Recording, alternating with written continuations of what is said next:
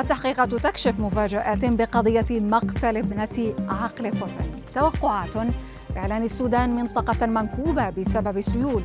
تفاصيل جديدة في قضية مقتل الطفل السوري جوا أبرز أخبار الساعات الأربع والعشرين الماضية في دقيقتين على العربية بودكاست. نبدأ من روسيا حيث تم الكشف عن مفاجآت جديدة بقضية مقتل داريا ابنة المفكر الروسي الشهير ألكسندر دوغن المعروف باسم عقل بوتين نظرا لقربه الشديد من زعيم الكرملين. وكالة سبوتنيك أفادت بأن عملية تفجير سيارة دوغن في موسكو كانت تستهدفه هو شخصيا حيث كان يتنقل باستمرار بصحبة ابنته في تلك السيارة فيما أعلنت لجنة التحقيق أنها تأكدت بشكل أولي من وجود عبوة ناسفة زرعت أسفل سيارة داريا. ما أدى إلى مقتلها في فورا آه، أثناء وقوع الانفجار. وفي العراق تواصل فرق الدفاع المدني انتشال الجثث من تحت ركام المزار الديني في مدينة كربلاء حيث ارتفعت حصيلة القتلى إلى أربعة أشخاص فيما تم إنقاذ ثمانية من تحت التراب المنهار. قوات الدفاع المدني أعلنت أن الحادث وقع نتيجة التشبع بالرطوبة للساتر الترابي الملاصق لمزار الإمام علي. ما أدى إلى انهيار كومة ترابية على سقف المزار وسقوطه على عدد من الزائرين.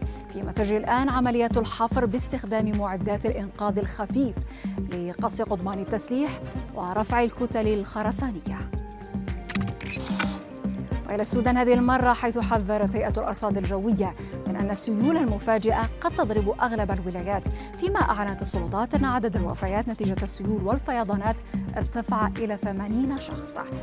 وزير التنمية الاجتماعية أحمد آدم بخيت قال للعربية إنه قد يتم إعلان البلاد منطقة كوارث طبيعية خلال الساعات المقبلة وذلك بسبب السيول داعيا لأخذ الحيطة والحذر خصوصا في المناطق المنخفضة فيما تعرض أكثر من 17 ألف منزل إلى دمار كلي وسط حالة تأهب مستمرة وتوقع المزيد من الأمطار الغزيرة. وبعد أيام على العثور عليها مقتولة في مكب للنفايات. ألقت السلطات الأمنية القبض على قاتل الطفلة جوا إسطنبولي التي هزت قضيتها الرأي العام في سوريا. وزارة الداخلية نشرت صورة القاتل ويدعى مدين الأحمد الذي اعترف باستدراجه الطفلة البالغة من العمر أربع سنوات ثم اعتدى عليها وقتلها ثم وضعها بأكياس قمامة. ورماها ليلا بمكب للنفايات بأحد أحياء مدينة حمص فيما أوضحت الشرطة بأن المتهم هو واحد من أبناء الحي ذاته ومعروف بتعنيف زوجته وأطفاله كما أنه يعاني من أحوال مادية ونفسية سيئة. وفي خبرنا الأخير اضطرت سلسلة مطاعم دومينوس بيتزا في إيرلندا لدفع تعويض مالي لتسوية قضية رفعتها السيدة بسبب سؤالها عن عمرها. وسائل إعلام أوضحت أن السيدة التي تدعى جانيس وولش كانت أجرت مقابلة عمل للحصول على وظيفة سائقة توصيل البيتزا مشيرة إلى أن المحاور سألها عن عمرها. وتم رفض طلبها الوظيفي لاحقا.